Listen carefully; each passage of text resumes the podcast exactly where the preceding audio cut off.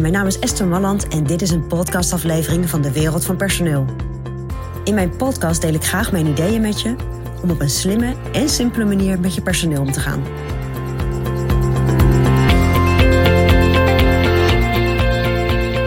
Ja, op het moment dat een medewerker bij je vertrekt, is het belangrijk om goed na te denken over de communicatie.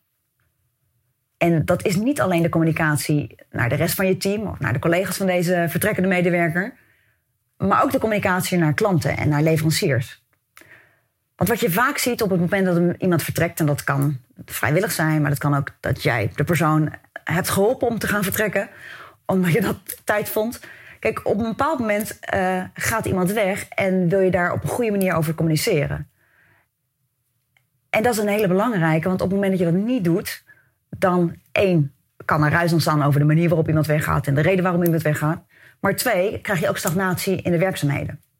En dat is vooral als je dat naar klanten en leveranciers onvoldoende goed communiceert. Dus op het moment dat jij met een medewerker zit die vertrekt bij jou, sta met elkaar even stil bij hoe ga je de communicatie oppakken? Hoe ga je dat organiseren? En met welke boodschap ga je de verschillende partijen informeren? En uiteraard is het zo dat, uh, dat je binnen het team natuurlijk dat op een andere manier communiceert dan wanneer je dat naar een leverancier of naar een klant doet. Maar het is wel belangrijk dat je, dat je met elkaar overeenstemming erover bereikt. En dat is misschien niet altijd makkelijk, niet misschien altijd mogelijk, omdat zeker als een medewerker uh, weggaat omdat het gewoon geen goede match meer is. En dat gaat gepaard met emoties en uh, nou, toch een stukje negativiteit. Ja, dan zal jij als, als ondernemer moeten besluiten hoe je dat gaat communiceren.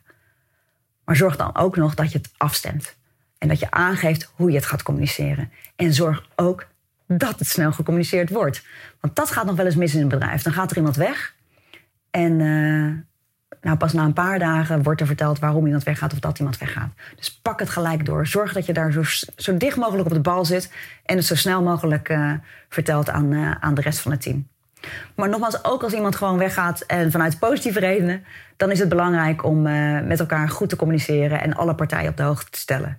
En dat is natuurlijk ook naar je klanten toe. Hè? Op het moment dat er een wisseling plaatsvindt in de contactpersoon, ook als dat bij jou, uh, bij de partij met wie jij zaken doet, vind je dat fijn om te weten. Komt ook heel professioneel over. Dus zorg dat je ook met je vertrekkende medewerker afspreekt of diegene dat nog zelf gaat doen, of dat jij iemand anders dat gaat, uh, gaat laten doen, dus aan wie die dat moet overdragen.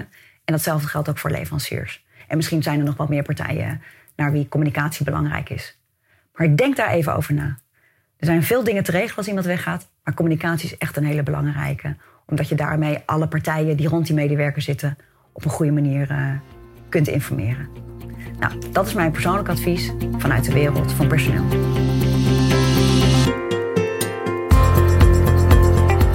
Wil je ontwikkelingen in de wereld van personeel blijven volgen?